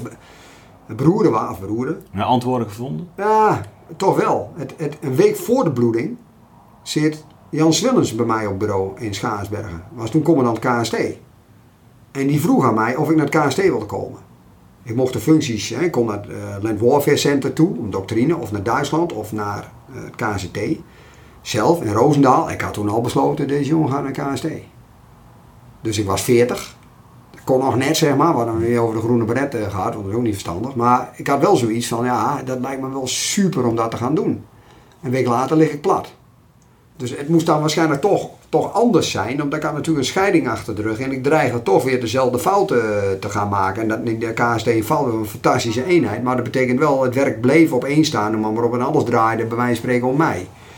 Ehm, en en daar, dat kwam abrupt tot een einde. Dus daar ben ik enorm mee aan het worstelen geweest. Net op het punt dat ik naar het KCT kan, kom ik zo tot, tot een halt, eh, zeg maar. Ja, en nu is de balans. Dit, dit moest zo zijn. Ik durf gewoon te beweren, los van dat ik niet zo goed loop. Maar de meeste die richting eh, de oude worden gaan allemaal slechter lopen. Ik heb er zoveel voor teruggekregen. Mijn leven is zoveel rijker geworden. En ik denk dat dat vooral komt omdat ik veel bewuster ben gaan leven. Veel minder op de automatische piloot. Maar goed nadenken over de dingen die ik doe. Waarom ik ze doe, wat wil ik ermee bereiken. Ehm, dus het feit dat ik, dat ik hier nu zit, ja, dat is, dat vind, ik vind dat fantastisch. Ja. Dus het feit dat ik jou zie zitten, zoveel jaar aan de data, dat vind ik gewoon fantastisch. Het is een hele bewuste keuze. Het draait niet om mij in die, in, in die podcast. Het draait om dat team, eh, zeg maar. En, en je ervaringen delen. Ehm, dus ik ben er echt veel rijker in geworden. Anders was ik nooit bij die afdeling vorming terechtgekomen. Nee. Had ik nooit de balans gevonden zoals ik het nu heb. En ik, ik loop niet goed. Dat is gewoon zo. Maar ik ga dan weer waarschijnlijk geopereerd worden. Dat hoor ik eh, als het goed eind van de dag. En dan zien we wel. Dus, eh, en ik praat niet meer over maximaal leven. Ik praat over optimaal leven. Je moet je leven optimaal inrichten. Ja. Dus, eh, dus die balans tussen wat ik toen aan ervaring heb opgedaan in 2007 en wat er dan later zeg maar, gebeurde in mijn leven, ja, dat, dat, dat past perfect in elkaar. Dat moest gewoon zo zijn. Ja. En ik- misschien ben ik onze lieve heer nog heel erg dankbaar eh, dat, die, dat, die dat, ja, dat dat zo is gebeurd. Ik geef hem niet de schuld. Hij is niet schuldig. Ja. Dit is iets dat. eh, Ik, we hebben het in 2009 in Den Helder. ja, Uh, hebben we even lopen ouwe hoeren met terugmeester Remco er ook bij. oude hoer, hè? De, eh, oude Ja, hoer, hè. ouwe hoeren. Biertje erbij. En eh, ik was toen net het burger, de burgerren, Ja. dat weet ik nog. En, en toen zei jij tegen mij, ehm basisschooldirecteur. Ja. Dat heb ik onthouden. ja, klopt. Weet je, Ja, was ik mee bezig. ja, Ja. En dat is toen niet doorgegaan. Nee, dit is niet doorgegaan. Nee, ze durfden het niet aan. Nee, snap. Nee. Nee, maar, dus- nee maar misschien was dat op dat moment ook wel goed. Het heeft ook zo moeten zijn. Heeft zo moeten zijn. eh, Ja, sterker ja. nog, ik heb op een gegeven moment ehm, na de bloeding, ik was ook wel bezig aan het oriënteren. En dat is natuurlijk ook vrij lastig. Hè? Ik- eh, je komt uit een missie terug, waarvan ik erg vind dat qua militair heb je daar op het hoogste niveau heb je daar gewerkt. En alles daarna was maar de vraag. Dus ik snap ook echt dat mensen op een gegeven moment het bedrijf verlaten, want ja, dan, dan, wat zit er dan nog in? En dan ga je gewoon je dingetje doen. Dus ik was ook op zoek naar die nieuwe uitdaging.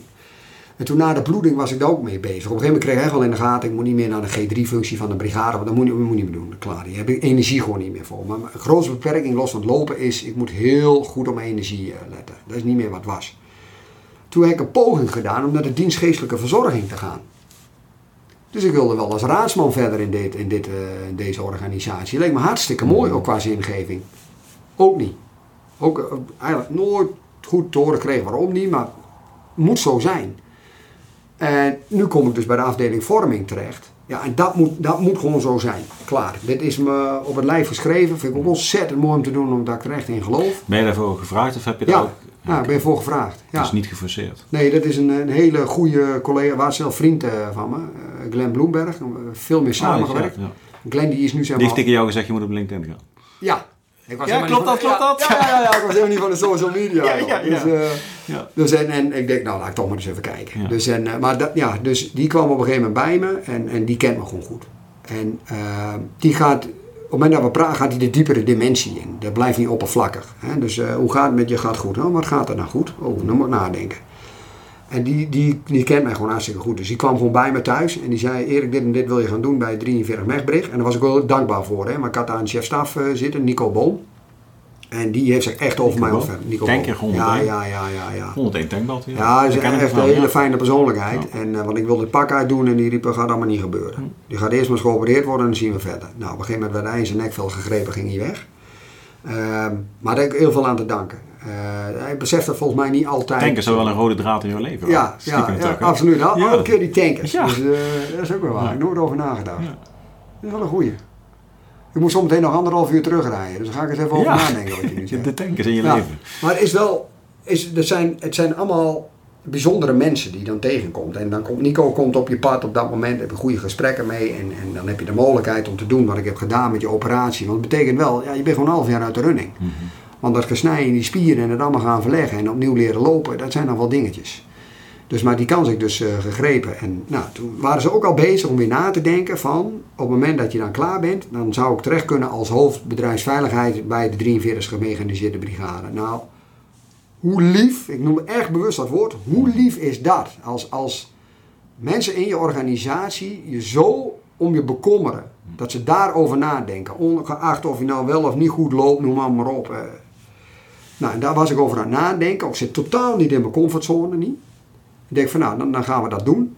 En toen kwam Glenn bij mij op net. En Glenn die gaat eh, volgend jaar gaat hij de dienst uit. Eh, die is ook aan na, of niet, die, die van de, de nieuwe diensteinderegeling gebruik eh, gemaakt. Dus die loopt nog een beetje in de reservetijd, zeg maar. En die zegt, ik ben nu heel druk bezig om de vorming op de kaarten te krijgen. En ik wil graag iemand hebben die dat zometeen van mij kan overnemen. En daar heb ik een bepaald karakter, een bepaalde persoonlijkheid voor nodig die daarin gelooft. En nou, toen vroeg hij van, nou, eigenlijk zie ik jou dat doen. Dus en ook met mijn eh, beperking die ik heb en de energie en dan kun je het helemaal invullen. Nou, die had daar helemaal over nagedacht. En toen ben ik daar zelf over na gaan denken. En denk, verdomd, je wel gelijk. En dat, ik heb nu het voorrecht om dat te gaan doen. Ehm, en ik krijg een thuisplaatsing. Dus dat is de reden dat ik vanuit Veendam naar Zwolle ben verhuisd. Omdat ik de hele landmacht zeg maar, eh, bezig ben. Eh, of dat nog moet gaan doen. Ja, dan kan ik dat veel beter vanuit Zwolle doen. En ik wilde ook niet meer elke week op een andere kazerne liggen en eh, mijn vrouw alleen in het weekend. Hè, want die, die buurmannen vertrouw ik ook allemaal niet. Dus ik heb een hele mooie vrouw. Dus eh, dat wil ik allemaal niet. Dus toen hebben we die keuze gemaakt om naar Zwolle te gaan eh, verhuizen. Om gewoon dat werk te kunnen doen. Dus ik ben nog nooit van mijn werk verhuisd. Maar dit doe ik wel. Waarom? Omdat ik er heilig in geloof. Dat die, die mentale component, die vorming van doorslaggevende aarde is opgewesteld. En dat, dat hebben wij bewezen met z'n allen. Ja. Dus en, En dat is ook iets wat jouw energie geeft. ja, ja, geeft me ongelooflijk veel energie. Dat ik dus inderdaad zeg, ik moet zuinig zijn op mijn energie, maar dit levert dan energie, eh, levert dat op. En eh, ik kan dus wel mijn militaire ervaring in kwijt. Ik kan daar mijn persoonlijke omstandigheid in kwijt. Want ja, de vorming die je meekrijgt gebeurt vooral ook buiten de organisatie. Hè. Als ik kijk Ja. naar de, nou, de opvoeding die je hebt gehad en wat je nu allemaal aan het doen bent, dat vormt je ook. eh, alles wat je nu doet. Zie, zie, je zie je vanuit die rol die je dan gaat doen ook, ook bijvoorbeeld, niet- niet zozeer mij als persoon, maar jongens zoals ik of dames, ook te betrekken bij zo'n nieuw iets wat ontstaat binnen Defensie? Ja, ik denk als je, kijk, we willen heel graag een adaptieve krijgsmacht eh, zijn. En je ziet gelukkig al heel veel meer dat we bezig zijn om, om goed naar buiten te kijken welke capaciteit hebben we nou nodig vanuit eh, bedrijfsleven, waar dan ook, om ons daarin te kunnen helpen. En ik denk wat jij doet, dat vind, ik- dat vind ik nou ontzettend mooi. Jij koppelt zeg maar, jouw ervaringen, als militair koppel je aan je ervaringen nu in het bedrijfsleven, zeg maar. En waar zitten dan de overlappen in? Of waar zitten juist de verschillen? Welke valkuilen neem je mee? Want volgens mij heb ik ook ooit al aangegeven. Ehm, de eh, socialisatie van burger naar militair, dat duurt eh, 16 weken of 20 of 23 weken. Daar zijn we heel druk mee om van een burger militair te maken. Maar de eh, resocialisatie van militair terug naar burger, dat is denk ik een voorlichting van een half uur. En daar ben je ervan. Ja. Maar als jij zo lang in die cultuur hebt gezeten, in die, in die vorming binnen de Koninklijke Landmacht, binnen Defensie breed, en, en je moet dan terug transformeren in de burgermaatschappij in, ja, dat doen we eigenlijk absoluut niet goed. Dat heeft tijd nodig. Terwijl juist, wij met onze mensen weten dat een groot deel, maar tijdelijk binnen onze organisatie werkt, om uiteindelijk ook weer terug te kunnen stromen in bedrijfsleven, waar ze nog naartoe gaan. Maar dan moet je dus ook helpen met een pad terug te gaan, hoe je dit dan doet. Waar loop je dan tegenaan? Nou, daar kunnen we echt gigantisch ontwikkelen. Daar ben ik zwaar uh, van overtuigd. Ja. Dus als ik op een gegeven moment iemand nodig heb binnen een afdeling waarvan ik denk, nou die kan daar eens iets in ondersteunen, dan uh, weet ik nog wel een uh, Patrick uh, te vinden. Neem de camera mee en de microfoon. Ja, ja, maar dat is... En, en dat maar is daar, daar ligt ook wel de, de kracht juist, als je het vanuit die kant deelt. Want kijk, ik denk dat Defensie vooral vormt op wat er binnen Defensie moet gebeuren Ja, en bedrijfsleven ook. Maar je hebt, Ja. je hebt gewoon heel veel raakvlakken. Je hebt Je hebt raakvlakken. Kijk, en eh, wij zijn natuurlijk vooral bezig met het vormen en het ontwikkelen van die eigenschappen. Eh, en beroepshouding die nodig is voor die militaire en operationele taak. En is- ligt heel veel van. Ik denk dat binnen de landmacht niet eens bekend is wat er allemaal eh, ligt. Want ze zijn weer met wat anders bezig. Maar de vraag is of dat handig is als je niet weet wat oude is. En, en, en zoals het credo van de landmacht en de kernwaarden, die komen niet zomaar uit de lucht eh, vallen. Maar de kernwaarden, moed, toewijding, veerkracht, ehm, daar heb ik natuurlijk ervaren dat die niet alleen in de militaire context van toepassing zijn. Maar, Ja. nou wat ik zeg, in privé kan er veel eerder iets gebeuren dan eh, in, de, in de militaire context. Dan werken ziet- ze ook. ja, en, en als je ziet naar de missies die we op dit moment draaien, dan denk ik dat 9 van de 10 personen bij wijze van spreken eerder iets in het privéleven overkomt. Of nu gaat, hè, pak even corona, of, of, of een andere ziekte, of verkeersongevallen, wat dan ook. Ja, dan wordt er ook een beroep gedaan op je veerkracht, of je weerbaarheid, of wat dan ook. Dus die, die parallellen zitten er echt absoluut in. En ik denk dat we van elkaar kunnen leren hoe we daarmee omgaan. En dat vind ik met de brandweer precies hetzelfde. Als je de brandweer hebt, ja, een huis staat in de fik. Wat doen de burgers? Die gaan allemaal achterwaarts. En jij gaat voorwaarts een brandend huis in. Nou, respect man. Ja. Dus, dus die parallellen zitten er echt in. Omdat de militair is in eerste instantie mens. En ik denk, hè, om, om de cirkel hier rond te maken, dat dat ook is wat ons succesvol heeft gemaakt in 2007. Dat we vooral eh, onderling bezig waren als mensen. En hij was dan wachtmeester Koopmans. Hij was Patrick. Ja, dus voor mij was je Patrick. Ja, en ik, ik wachtmeesters. Ik ben gewoon sergeant man. Ik ben helemaal een zwarte beretten. Nee, maar als ze tegen mij zeggen wat deed dan zeg ik altijd sergeant. Sergeant, Veel ja. snel snappen ze ja, niet. ja. Maar dat, Nee. we kunnen nog herinneren dat op een gegeven moment als je dan praat over de mens achter de militair die dan een besluit moet nemen. Dat, ik was op een bepaald moment op net gewoon binnen formeel. Hè? Romeo en 2 en 1 en weet ik veel wat allemaal. Maar op een bepaald moment ehm, liet ik opstroom liet ik ook zijn dingetje gewoon doen. Hè? Iedereen inzetten zijn kracht. Want ik merkte dat mijn plaatsvanger Remco was zo ongelooflijk goed daarin. Samen met Jim van Geelkerken, Panzerhaubitsen, commandant mortiergroep, concurs. Fantastisch hoe die mannen dat deden. Ik liep alleen maar in de weg. Die konden het heel goed. Maar als op een gegeven moment aankomt op een commandantenbesluit, dan ben je de baas. Dus dan, dan, dan hoorde ik op het net, hè, dus weer die verbinding, dan hoorde ik, als ik dan Dave hoorde, dan kon ik aan zijn stem horen de onrust of wat dan ook. En dan wist ik, en nu moet er ingegrepen worden. Dus dan kwam ik op net en dan zei ik op een gegeven moment niet 2-1 hier Romeo, Nee. Dave, hier Erik. Hoe staat het ervoor? Ja, en dan zei iets van, het voelt niet goed of wat dan ook, Dave, kom eraan. En of ik dan 300 keer voor Jan Lul maar, hè, in de richting rijd, dat maakt me niet uit. Dat is onderling vertrouwen. En natuurlijk gaan we dat dan wel evalueren van, maar op moment als, als, als hij dat, dat voelt, hoor ik aan zijn stem, dan ga je gewoon. Er is niks met techniek, tak, dan ga je. Dan ondersteun je elkaar. En dan is het niet de commandant van 2-1, dan is Dave die op dat moment dus in die positie zit dat hij belangrijke besluiten moet gaan nemen. Ja, dat gaat om leven en dood van je mensen. Dus en dat vond ik ongelooflijk belangrijk. Dus dan is het ook gewoon eerlijk. Ja, ik zit mijn kippenvel. Ik, ik, ik zit helemaal in het moment. Ja, zit helemaal in het moment. Ja, ik, ik, Weet, wel- ik weet wat het met ons deed namelijk. Ja. Je? Dus dat, eh, Ja. En met de mannen die erbij waren. Ja. Dus, Maar dat is ongelooflijk belangrijk. Dus en als je dat voorbeeldgedrag eh, dan toont, dan zul je ook merken dat hè, de, de niveaus daaronder op pelotonsniveau, die gingen op een bepaalde manier met de mensen op. Je hebt op een gegeven moment je rang niet nodig om besluit te nemen. Joh. Je hebt gewoon die rol gekregen. Jij bent de luitenant, jij bent de pelotonscommandant, maar je bent wel stel aan. Of je bent Dave, ik ben Alex. Ja, en, en eh, je moet die verantwoordelijkheid gewoon pakken. Ja, dus en, en ik denk dat dat gewoon geklopt eh, heeft, zeg maar. ja. En ik- daar heeft ook die uh, Tussenbroek een belangrijke rol in gehad. Hè? Hij was de hoogste in rang op zijn luitenant-kolonels voorkomen. Dus en iedereen zei Barend tegen hem. Dus ik heb na de eerste paar dagen gevraagd, heb je er geen bezwaar tegen? Omdat ze jou aanspreken met je voornaam. Dus en volgens mij was hij vergeten dat hij hoogste was namelijk. Dus, eh, maar dat is, dat, is, dat is prachtig mooi om te zien. En, en hoe hij dat deed, zeg maar. En wat het effect daarvan was eh, op, op, op de eenheden. En dat mannen op een gegeven moment ook als ze even uh, slecht zaten, of, of jij nou betrokken was, hè, dat je zegt, nou misschien toch goed even met Barend te praten. Dat die ruimte daar was voor elkaar. Dat je over die kwetsbaarheid kon praten. Hè, dat je over je gevoelens kon praten. Ja. Ja, dus uh, dat het niet normaal is dat de lui sneuvelen in jouw eenheid. Daar hoef je niet stoer mee om te gaan. Er mag ruimte zijn voor, voor emotie en voor een traantje. Ja. Maar we gaan door met z'n allen. Ja. Dus, nou, mooi. Dankjewel. Ja, ja dankjewel Patrick. Hebben we iets nog niet besproken? Wat we nog graag willen bespreken? Nee, ik denk dat ben hier lekker open ingegaan. Ik denk, ik hoor de vragen wel om afkomen en dan, uh, dan, dan komt het vanzelf tot een gesprek. En je zei al, hè, op het moment, ik weet niet hoe je dat zei voor het gesprek, als we een uur zouden praten over... Uh, zwembad in je tuin. Zwembad in je tuin begraven, dan komt het op. Ja.